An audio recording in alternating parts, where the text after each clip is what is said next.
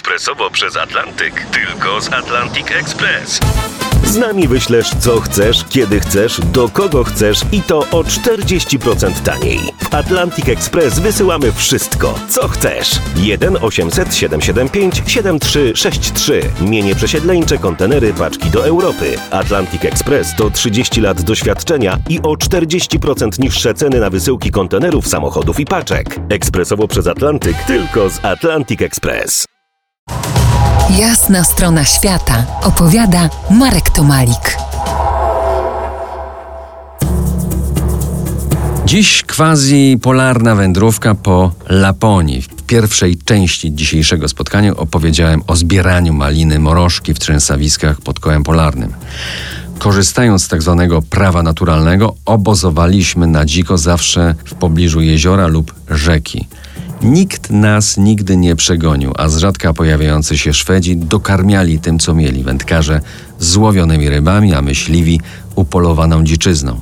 Kiedy brakowało jednego i drugiego, ubogą dietę puszkową z mielonkami mięsnymi i pasztetami wzbogacałem darami lasu z moich tam wędrówek, to jest grzybami i jagodami.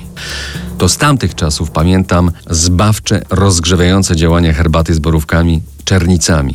Tu tylko nadmienię, że poza moim Podbeskidziem rozpowszechniona jest mniej poprawna nazwa czarna jagoda. Początkowo do skupu jeździliśmy codziennie, ale ponieważ do najbliższego mieliśmy ponad 120 km, postanowiliśmy zaryzykować i spróbować kursów co dwa dni. Po tej decyzji zbiory były imponujące, około 50 kg maliny morożki dziennie, czyli jak dobrze pamiętam, 30 dolarów na twarz. W tamtych czasach była to średnia miesięczna krajowa płaca w Polsce. Niestety przez noc nasze zbiory dojrzały, a właściwie powiedzieć przejrzały. Żaden ze skupów w miasteczku Arjeplog, niespełna 60 km od koła polarnego, nie chciał ich przyjąć. Żal było owoców i naszej mrówczej pracy, co było robić? Postanowiłem wysłać emisariusza z towarem do Huting, ponad 350 km nad południe. Andrzej wrócił następnego dnia z dwoma wieściami. Dobrą sprzedał malinę i złą rozbił samochód. Chcąc ominąć renifera, o kontakt z którym nie trudno na lapońskich drogach, skasował dwie brzuski i na trzeciej się zatrzymał. Auto nadal jechało, ale jakoś pokracznie niebezpiecznie.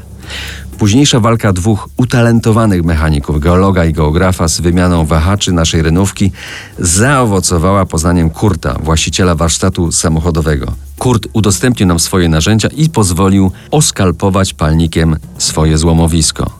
Naszego samochodu jednak nie dotknął. Uzbrojeni w jego wskazówki, po trzech dniach autoheroizmu daliśmy radę wahaczom i samochód, choć ciągle poturbowany, kulał się, nadawał do dalszej drogi. Gdzie nas poniosło?